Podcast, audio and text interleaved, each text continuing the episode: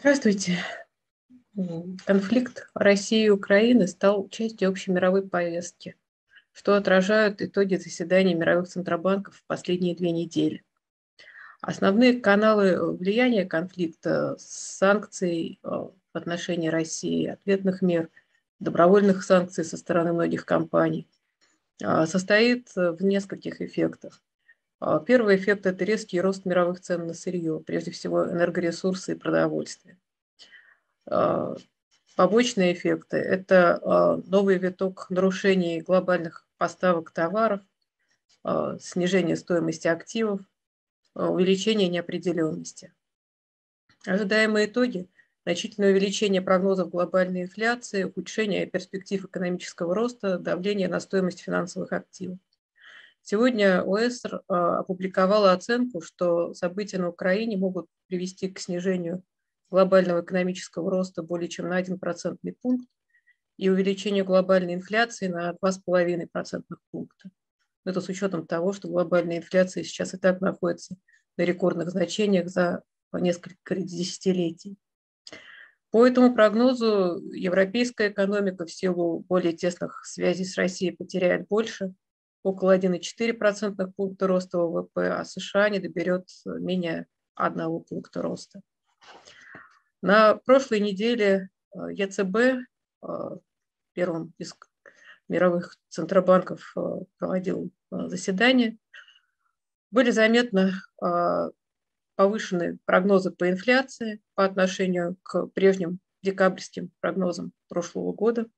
Так, сейчас ЕЦБ видит в этом году инфляцию 5,1%. А, при этом среднесрочный прогноз инфляции приближается к целевым 2%, что потенциально открывает возможность начала повышения ставок спустя некоторое время после завершения основной программы выкупа активов. Одновременно достаточно заметно, ну вот на 0,5% пункта в этом году снижен прогноз роста ВВП. Неожиданно для рынка ЕЦБ ускорил темпы сокращения а, выкупа активов. В апреле это будет 40 миллиардов евро, в мае 30, в июне 20, а уже с третьего квартала программа может быть завершена, что откроет дорогу к повышению ставок. На э, заседании ФРС, которое состоялось уже на этой неделе, э, впервые с 2018 года американский Центробанк повысил процентную ставку ожидаемо на 25 базисных пунктов. И э, было заявлено, что ФРС может начать сокращать свой баланс уже на ближайшем заседании в начале мая. А решение было ожидаемо рынком и поддержано восемью из девяти голосующих членов Комитета по открытым рынкам, в то время как президент ФРБ Луиса э, Баллард голосовал за повышение ставки сразу на 50 базисных пунктов. Но при этом, э, хотя само решение было ожидаемым, прогнозная траектория ставки оказалась выше ожиданий рынка, как мы увидим. Сокращение баланса может начаться раньше предполагаемого срока, а прогноз роста ВВП на текущий год снижен резче, чем сейчас ожидает рынок. Ну вот здесь мы можем также сравнить э, прогнозы ФРС текущие и декабрьские. Мы видим а, достаточно резкое снижение прогноза роста ВВП с 4 до 2,8%, то есть это заметно ниже, чем то, что сейчас ожидает рынок. Консенсус прогноз Bloomberg – это 3,6%. А, одновременно заметное увеличение прогнозов инфляции. Ну, инфляция сейчас по а, критерию CPI в 4 раза практически выше цели ФРС она приближается к 8% по а, более предпочитаемому ФРС индикатору а, личных потребительских расходов она где-то втрое выше.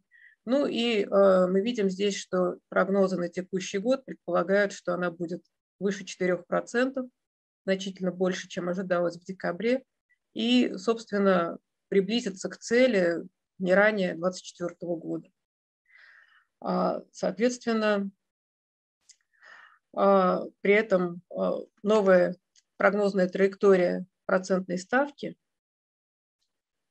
вот эта зелененькая линия, а, она предполагает, что большинство членов комитета сейчас ожидают семи повышений ставки до конца года, включая вот то, которое уже состоялось в марте.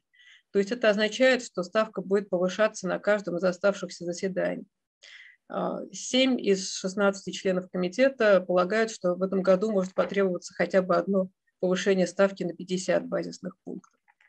Медианный прогноз процентной ставки на текущий год смещен вверх с 0,9% до 1,9%, а на будущий год и 2024 год получается, что рынок ждет еще там, на, в будущем году 3-4 повышений ставки и ее ухода выше э, долгосрочного нейтрального уровня 2,4%, то есть она ожидается близок к 3 уже. И э, это уровень ставки, который уже является не нейтральным, а рестриктивным, то есть можно говорить уже о переходе к умеренно жесткой политике. Но при этом, э, несмотря на более высокие темпы ужесточения ДКП, ФРС ждет, что безработица будет оставаться очень низкой, 3,5-3,6%, то есть ниже своего естественного уровня. То есть, по мнению Пауэлла, экономика сейчас очень сильна, рынок труда очень силен и, в общем-то, даже перегрет, спрос превышает предложение, поэтому возврат к ценовой стабильности – это необходимые условия для того, чтобы экономика росла дальше, и рынок труда а, устойчиво находился в состоянии максимальной занятости. То есть, по его мнению, экономика достаточно сильна, чтобы выдержать и более высокие темпы ужесточения денежно-кредитной политики. Но мы видим, что а, даже вот сейчас эта новая траектория, она значительно превышает те а, уровни ставки ФРС, которых ожидает рынок. То есть э, рынок пока еще не очень поверил в то, что а, в будущем году и в 2024 году Федрезерв сможет э, повысить ставки таким образом, и, не, э, и это не приведет к, резкому останов, к резкой остановке экономического роста, к росту безработицы, которая заставит ее корректировать свой курс. По, по итогам заседания доходность десятилетних гособлигаций США обновила максимум с 2019 года, в 18%, доходность двухлетних бумаг максимально приближенная к ожиданиям поставки ФРС приблизилась к 2%. Но несмотря на то, что риторика была достаточно жесткой, рынок э, не испугался. По итогам волатильной сессии фондовые индексы э, США повысились от полутора до 3,8%, причем в лидерах повышения был NASDAQ хотя считается, что акции роста более уязвимы к повышению э, ставки и росту доходности долгового рынка. Но мы полагаем, что резкое э, снижение прогноза роста американской экономики в текущем году и риски негативного влияния ужесточения ДКП на занятость и экономический рост еще не в полной мере учитываются рынком.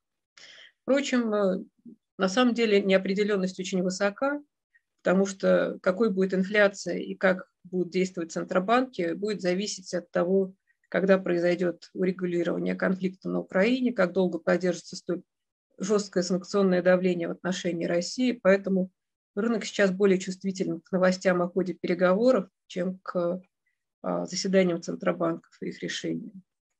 В четверг Банк Англии принял а, также ожидаемое а, решение, повысил процентную ставку на 25 пунктов на 0,75. Это, в общем, тоже совпало с ожиданиями. Третье повышение с декабря. Теперь Банк Англии ждет ускорения инфляции во втором квартале до примерно 8%, возможно, еще выше в течение года, что может потребовать умеренного дополнительного ужесточения ДКП. Но, тем не менее, риторика была относительно мягкой, и это отразилось на э, некотором коррекционном снижении курса фунта стерлингов по отношению к доллару евро. А, завтра Банк России проведет заседание по ключевой ставке. На мой взгляд, сейчас э, ЦБ, скорее всего, э, сохранит ставку на текущем уровне 20%. Она была экстренно повышена в конце февраля практически вдвое. И э, какие-то корректировки вряд ли имеют смысл до следующего апрельского заседания, поскольку с момента экстренного повышения ставки прошло слишком мало времени, чтобы можно было оценить ее влияние на инфляцию, динамику вкладов, кредитования. Э, резкое повышение ставки было предпринято, чтобы остановить отток вкладов из банковской системы, э, девальвацию и, по-видимому, вместе с жесткими валютными ограничениями на данном этапе оно сыграло свою роль. То есть объем наличных денег в системе стал сокращаться, деньги стали возвращаться в банки, кредитование резко затормозилось, курс рубля сейчас, ну, в общем, несколько укрепляется по отношению к экстремальным значениям начала марта. Но инфляция продолжает расти ускоренными темпами и на 11 марта достигла 12,5% год к году, это по данным Росстата, но реально многие товары подорожали значительно сильнее. Это связано как с эффектом от уже случившегося ослабления курса рубля, так и э, с потребительским ажиотажем из-за опасения дефицита и будущего повышения цен вследствие того, что разрываются привычные связи со многими традиционными поставщиками. А, сначала повышенным спросом пользовалась импортная техника, электроника на фоне заявлений многих зарубежных компаний о приостановке поставок, а затем еще и продовольствие, лекарства, бытовая химия. Ну и пока, видимо, э, рекорды по инфляции еще будут обновляться, не исключено, что в ближайшие недели она приблизится к 20%. А, в то же время в апреле ЦБ сможет уже переоценить как бы ситуацию, если понадобится, то произвести дополнительное повышение ставки, но э, на самом деле, когда ситуация начнет стабилизироваться, и ЦБ увидит торможение инфляции, даже если она еще будет оставаться высокой, он уже может начать думать о снижении ключевой ставки. По опыту 2015 года, вот мы помним, как резко повышалась ставка до 17% в декабре 2014 года, и уже через два месяца ЦБ начал ее поэтапно снижать. Ну, э, возможно, что нечто подобное будет происходить и сейчас. Э, текущий уровень ключевой ставки – это антишоковая мера, она на тот момент как бы была оправдана, но э, для экономики и финансового положения заемщиков она неблагоприятная, с учетом того, что, в общем-то, все ожидают спада в экономике в этом году, сокращение платежеспособного спроса. Здесь уже будут требоваться более, более мягкая денежно-кредитная политика. Но здесь уже, так сказать, покажет время, насколько ЦБ сможет э, корректировать ставку. А, у меня все. Спасибо за внимание.